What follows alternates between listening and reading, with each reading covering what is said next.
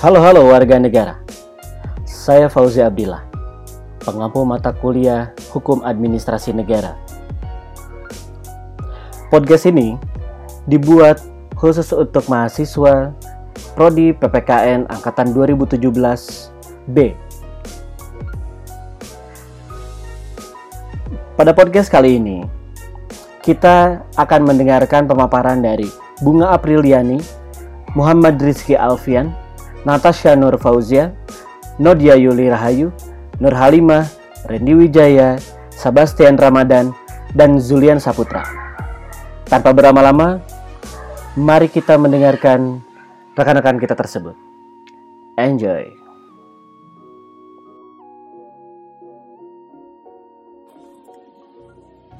Assalamualaikum warahmatullahi wabarakatuh. Perkenalkan, Nama saya Nur Halimah dari kelompok 4 akan mengawali pembahasan mengenai aktivitas administrasi negara. Pertama-tama, saya akan menjelaskan apa itu aktivitas administrasi negara. Uh, dalam Kamus Besar Bahasa Indonesia, aktivitas dapat diartikan sebagai keaktifan, kegiatan, atau kesibukan dalam konteks ini yang dilakukan oleh suatu lembaga dalam melaksanakan tugasnya. Sedangkan Administrasi dapat diartikan dalam arti sempit maupun dalam arti luas. Dalam arti sempit, administrasi uh, dapat dikatakan sebagai kegiatan tata usaha seperti ketik mengetik, surat menyurat, atau pendataan yang lainnya. Sedangkan administrasi dalam arti luas dapat diartikan sebagai kegiatan negara dalam melaksanakan kekuasaan politik dari badan eksekutifnya. Sedangkan pengertian negara adalah lembaga yang memiliki kekuasaan besar dalam masyarakat e, negara dapat memaksakan kehendaknya jika terdapat masyarakat yang tidak e, memenuhi kehendak dari negara, maka ia dapat dikenakan sanksi ataupun hukuman. Nah, dari pengertian tersebut dapat disimpulkan bahwa aktivitas administrasi negara adalah aktivitas gabungan yang dilakukan oleh jabatan administrasi di bawah kepemimpinan pemerintah yang melakukan tugas kepemerintahan yang tidak dilakukan oleh badan legislatif maupun yudikatif. Nah, aktivitas administrasi negara eh, banyak dilakukan oleh badan eksekutif atau pemerintah beserta jajarannya karena eh, pemerintah sebagai eh, penyelenggaran suatu negara. Nah, selanjutnya akan dijelaskan oleh Bunga Apriliani.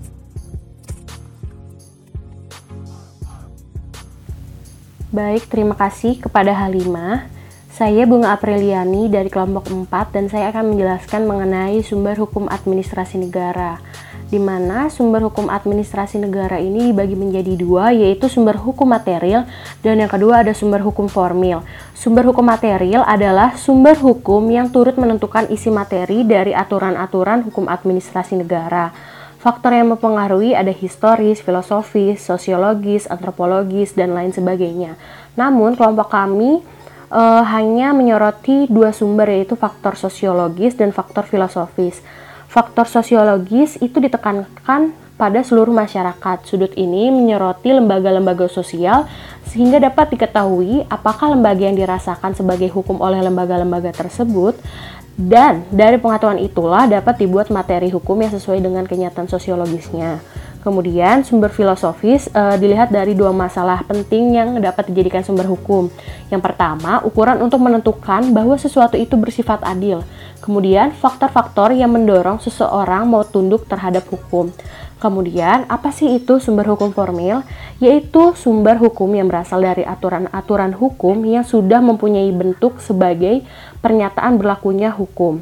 E, di mana sumber-sumber ini terdapat undang-undang yaitu peraturan tertulis yang dibuat oleh alat perlengkapan negara dan tercantum dalam peraturan perundang-undangan.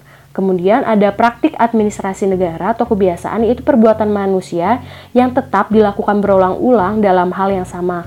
Apabila suatu kebiasaan tersebut diterima oleh masyarakat dan dilakukan secara berulang-ulang, sehingga tindakan yang berlawanan dengan kebiasaan itu dirasakan sebagai pelanggaran, pelanggaran hukum. Maka dengan demikian timbullah suatu kebiasaan hukum yang oleh pergaulan hidup dipandang sebagai hukum. Kemudian ada jurisprudensi yaitu keputusan hakim yang telah mempunyai ke kekuatan hukum tetap. Dengan adanya keputusan hakim dapat menimbulkan hukum positif pada mereka yang bersangkutan, yakni timbulnya, berubahnya, hapusnya hak dan kewajiban baru bagi masing-masing pihak yang dapat membentukkan adalah keputusan hakim administrasi ataupun hakim umum yang memutus dalam perkara administrasi negara. Kemudian ada doktrin yaitu pendapat para pakar dalam bidangnya masing-masing yang mempunyai, mempunyai pengaruh. Kemudian eh, pendapat ahli hukum dapat melahirkan teori-teori dalam lapangan hukum administrasi negara yang kemudian dapat dijadikan dasar timbulnya kaidah-kaidah hukum dalam hukum administrasi negara, teman-teman. Terima kasih. Kemudian e, kepentingan umum akan dilanjutkan oleh e, teman kami itu Saudara Randy Wijaya. Terima kasih kepada Saudari Bunga atas pemaparan materinya. Kemudian saya akan melanjutkan materi mengenai kepentingan umum. Apabila teman-teman tadi sudah mengetahui apa itu administrasi negara, kemudian sumber-sumber hukum administrasi negara, nah selanjutnya saya akan menjelaskan mengenai apa itu kepentingan umum. Nah, apabila kita berbicara soal administrasi negara, dalam proses segala aktivitas administrasi negara, pada hakikatnya mempunyai satu tujuan, yaitu untuk kepentingan umum. Yaitu dalam proses penyelenggaraannya, pemerintah sebagai pemegang kekuasaan tertinggi harus memperhatikan dan mengedepankan kepentingan umum dalam menjalankan pemerintahannya. Apa sih kepentingan umum itu?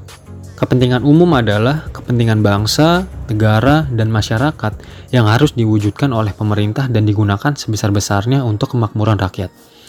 Nah, ada berbagai macam teori teman-teman mengenai atau yang mendefinisikan arti dari kepentingan umum itu sendiri. Itu yang pertama ada teori keamanan, yaitu kepentingan masyarakat yang paling utama adalah kehidupan yang aman dan sentosa di mana pun berada. Kemudian yang kedua ada teori kesejahteraan, yaitu kepentingan masyarakat yang utama adalah kesejahteraan, yaitu terpenuhinya kebutuhan pokok manusia seperti sandang, pangan, papan, kesehatan, pendidikan, kesempatan kerja, dan lain-lain. Kemudian yang ketiga ada teori efisiensi kehidupan. Itu kepentingan umum atau kepentingan utama masyarakat adalah hidup secara seefisien mungkin agar kemakmuran dan produktivitas dapat dirasakan oleh seluruh lapisan masyarakat. Dan yang terakhir ada teori kemakmuran bersama, yaitu kepentingan masyarakat yang utama adalah kemakmuran bersama. Nah, berdasarkan beberapa pengertian di atas, maka dapat disimpulkan bahwa kepentingan umum sangat penting untuk diutamakan oleh pemerintah demi terwujudnya keadilan dan kesejahteraan rakyat.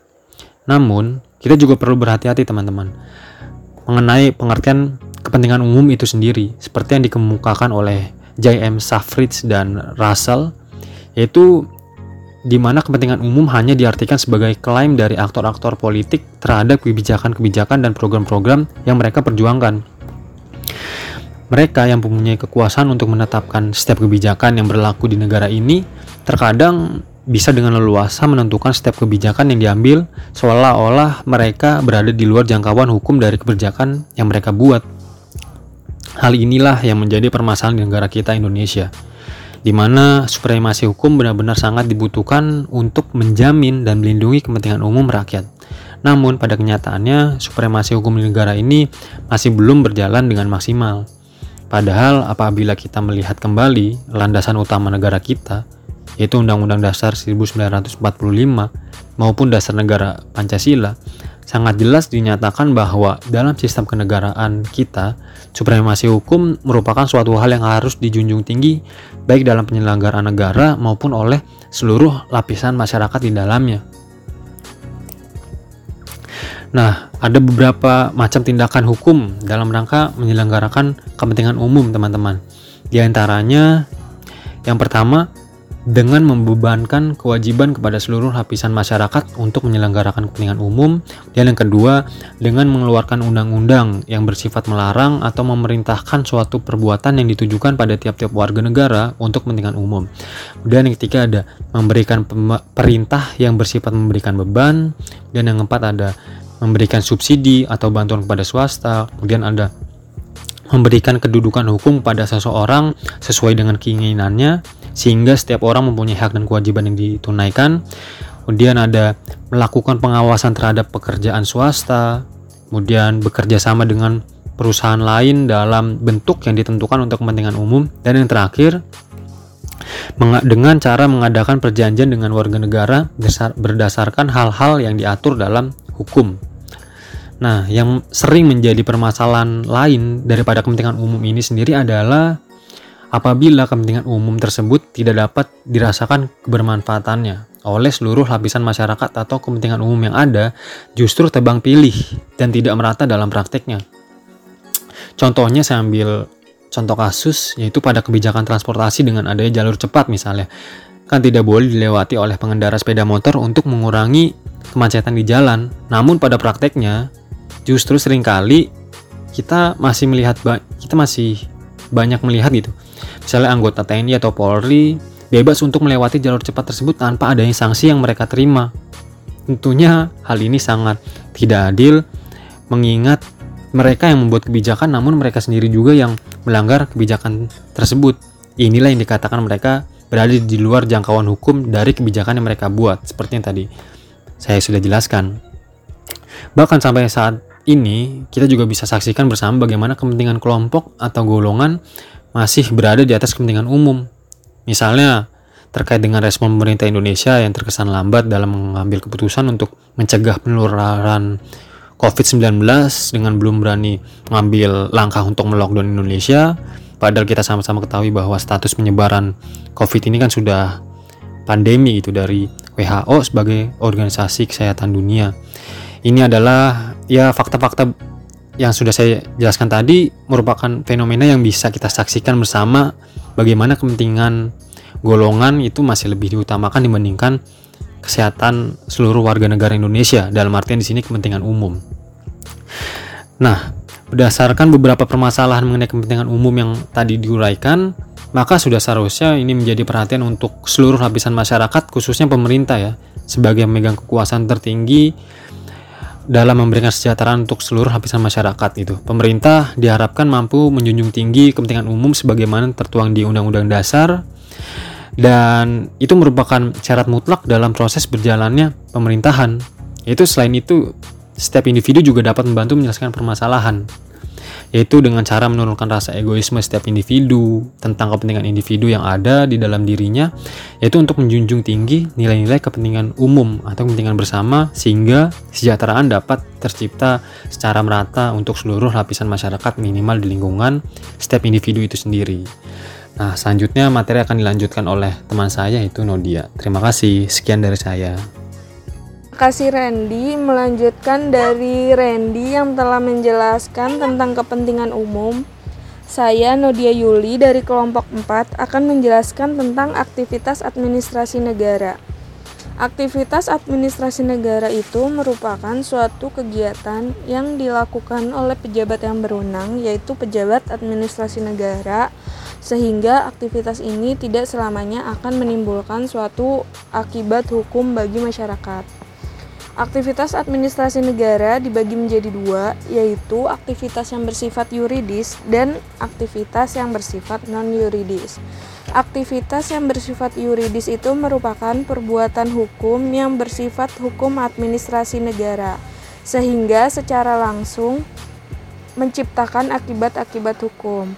Menurut buku hukum administrasi negara yang ditulis oleh Jum Anggriani, terdapat empat perbuatan yang bersifat yuridis, yaitu yang pertama ada penetapan yang merupakan perbuatan sepihak yang dilakukan oleh pejabat yang berwenang dan bersifat administrasi negara, yang artinya menjadikan ketentuan undang-undang secara nyata. Kemudian ada rencana, yaitu perbuatan yang menciptakan hubungan hukum yang bersifat mengikat antara pejabat dan masyarakat.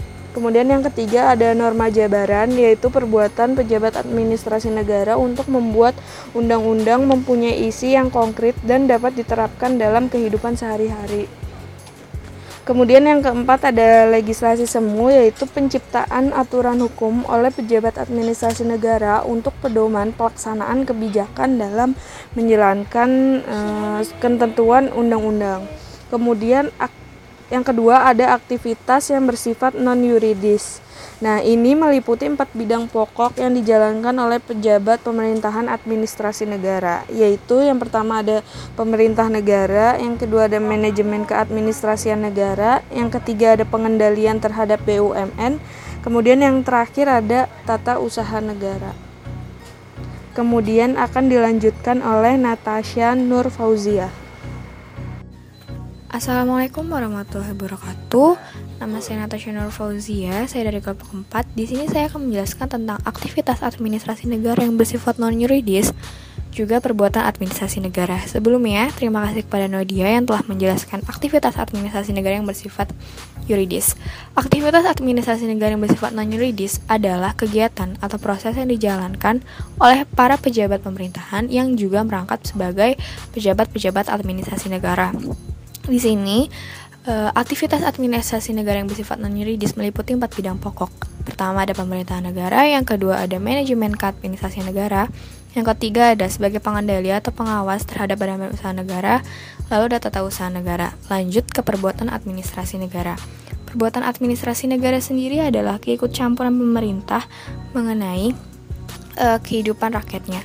Perbuatan administrasi negara ini memberikan kebebasan kepada para pejabat administrasi untuk melaksanakan tugasnya dalam mencapai tujuan negara. Perbuatan administrasi negara ini dibagi dua, yaitu perbuatan menurut hukum privat dan perbuatan menurut hukum publik. Menurut Van Apeldoorn, hukum privat adalah hukum yang mengatur kepentingan khusus. Dalam melakukan perbuatan hukum, badan atau pejabat administrasi negara sering juga mengadakan hukum hubungan hukum dengan subjek hukum lain berdasarkan hukum privat. Jadi, hukum privat ini adalah uh, hukum administrasi negara yang juga diatur dalam hukum perdata. Contohnya itu adalah administrasi administrasi negara yang menyewakan atau menyewa ruangan atau kantor. Nah, sewa menyewa ini terdapat dalam pasal 1540 1548 KUH Perdata. Lalu yang kedua ada yang menurut hukum publik.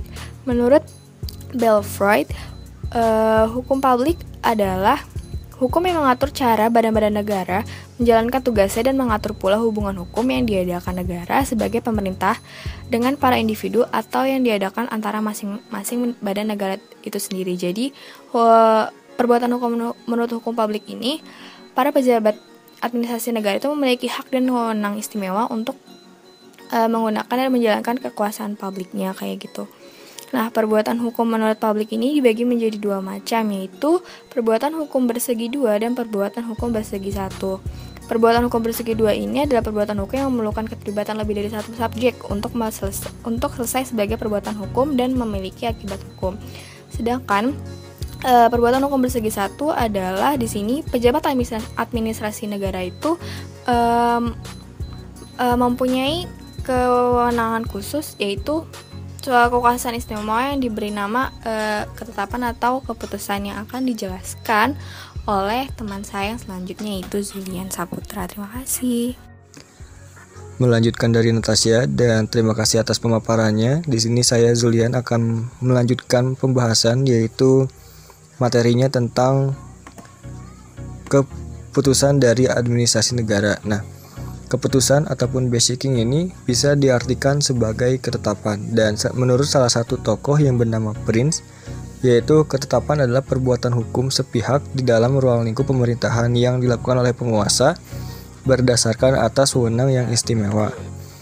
Dan selanjutnya adalah kita akan mempelajari tentang sifat basicing.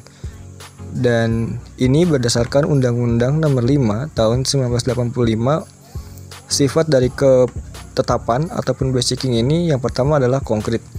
Maksud dari konkret adalah objeknya itu tidak ataupun diputuskan tidak abstrak tetapi berwujud tertentu atau dapat ditentukan dan yang selanjutnya adalah individual yaitu ketetapan ini tidak ditujukan untuk umum tetapi tertentu yaitu baik nama, alamat atau hal yang dituju dan yang selanjutnya adalah final.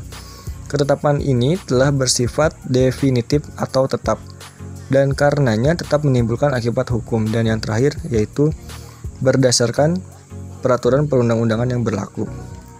Dan siapa sih yang bisa ataupun dapat membuat keputusan?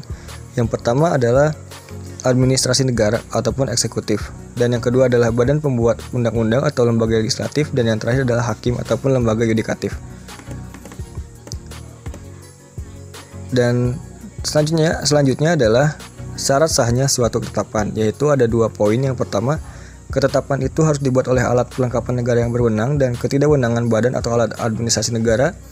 Yang kedua hal atau kedua poin ini berdasarkan uh, ungkapan dari Van der Pot Van der Pot di sini bilang bahwa kewenangan membuat suatu keputusan hanya dapat dilakukan dengan atribusi atau delegasi.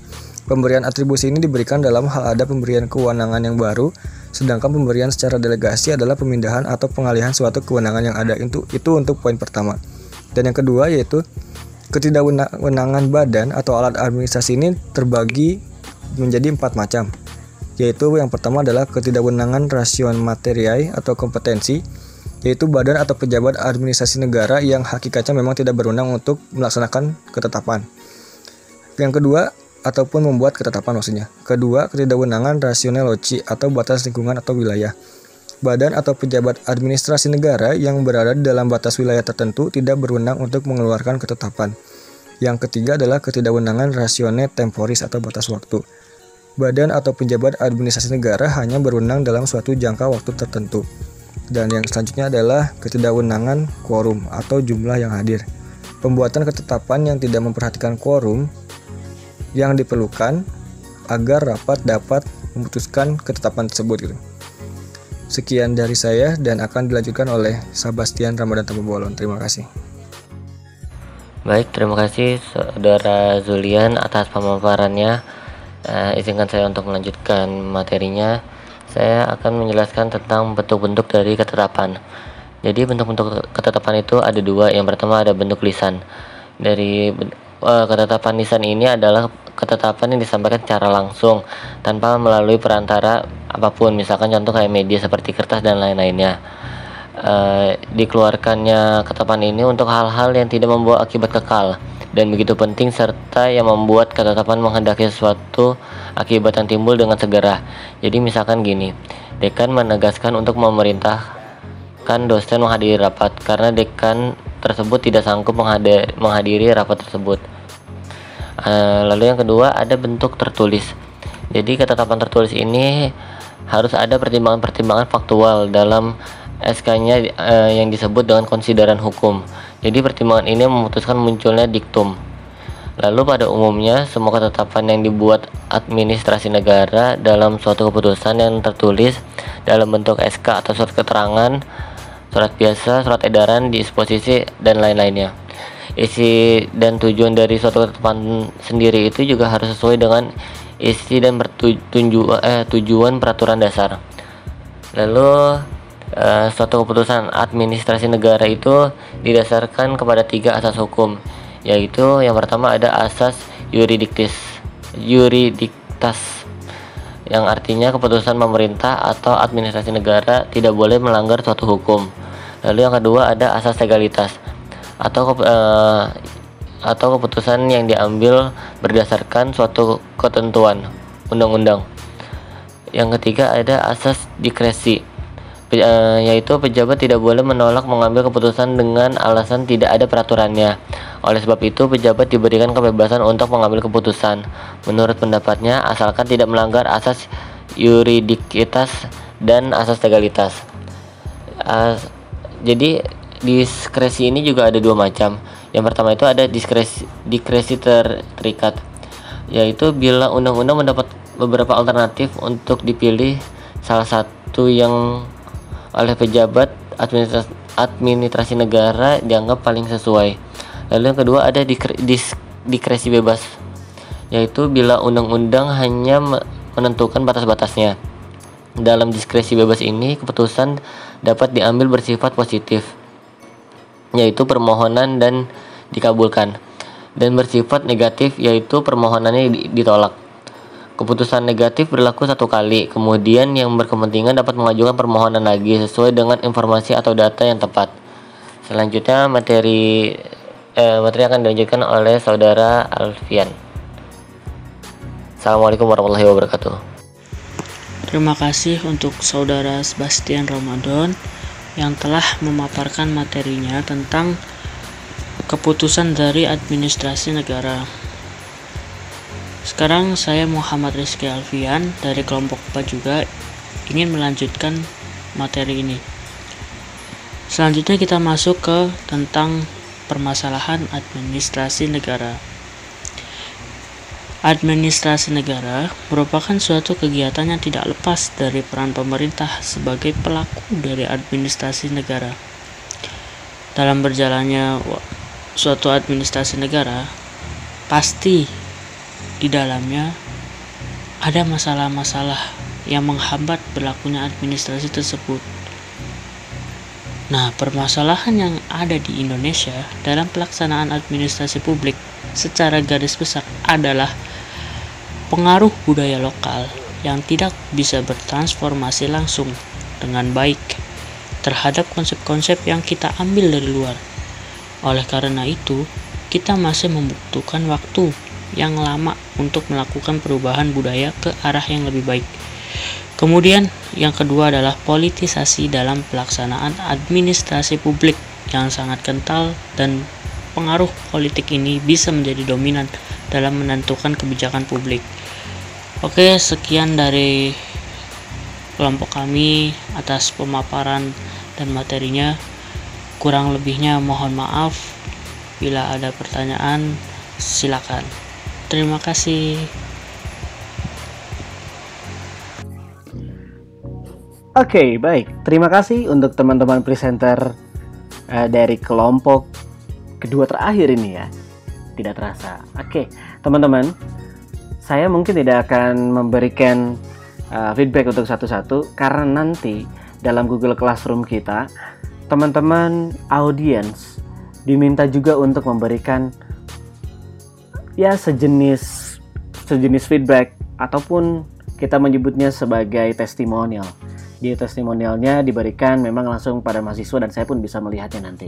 Oke gitu ya. Dan itu artinya sekarang waktunya teman-teman untuk kembali ke Google Classroom. Silahkan isi student answer-nya. Lalu untuk 6 penanya paling awal dan terpilih uh, bisa kita seluruhnya ikutan diskusi di arena tersebut. Ingat ya, pertanyaan dibuat berkualitas mungkin tanggapannya pun berbobot dan tentu dengan apresiasi yang membangun. Sekian teman-teman uh, untuk podcast kali ini. Kita bertemu lagi di lain kesempatan. Have a nice day. Ciao.